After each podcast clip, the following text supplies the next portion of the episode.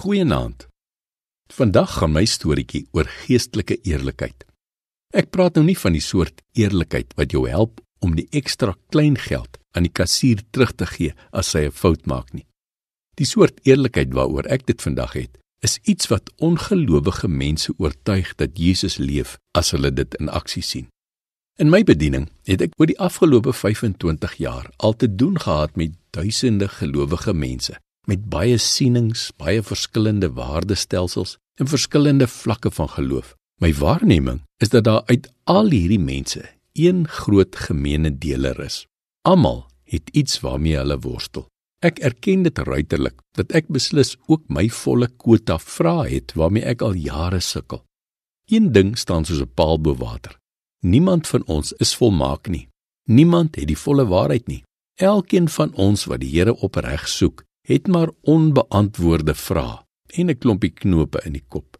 Die krisis kom net in as ons te skyn heilig is om dit te erken. Die een eienskap van ware kinders van die Here wat vir my die meeste beteken en waaraan ek persoonlik die meeste waarde heg, is geestelike opregtheid en deursigtigheid. Dit is as iemand so naby aan die Here leef dat hy die moed het om jou 'n reguit eerlike antwoord te gee selfs al is dit nie 'n populêre antwoord nie. Dit is as iemand die moed het om ook te erken dat sy geloof ook maar soms ver te kort skiet. Ons lees in die evangelies van 'n man wat sy seun wat duiwelbesete was, na Jesus toe gebring het. Jesus vra hom toe: "Glo jy dat ek hom gesond kan maak?" Die man se antwoord is seker een van die beste voorbeelde van geestelike eerlikheid en deursigtigheid wat ek al gehoor het.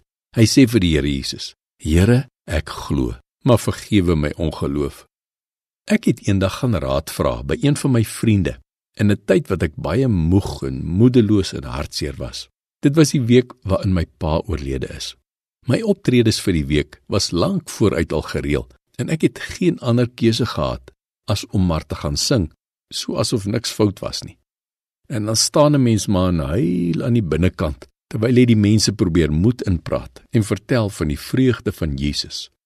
Nou toe ek my treurige storie klaar vertel het en my kopknoop vrae gestel het, antwoord my vriend: Ek weet nie wat om vir jou te sê nie, maar as jy wil, sal ek saam met jou huil. Ek kon daai dag nie 'n beter antwoord gekry het nie. Dit het weliswaar nie my vrae beantwoord nie, maar dit was eerlik genoeg om my seer minder te maak. Gee my enige dag 'n man of 'n vrou wat die moed het om te sê: Here, ek glo maar vergewe my ongeloof. Seën vir jou.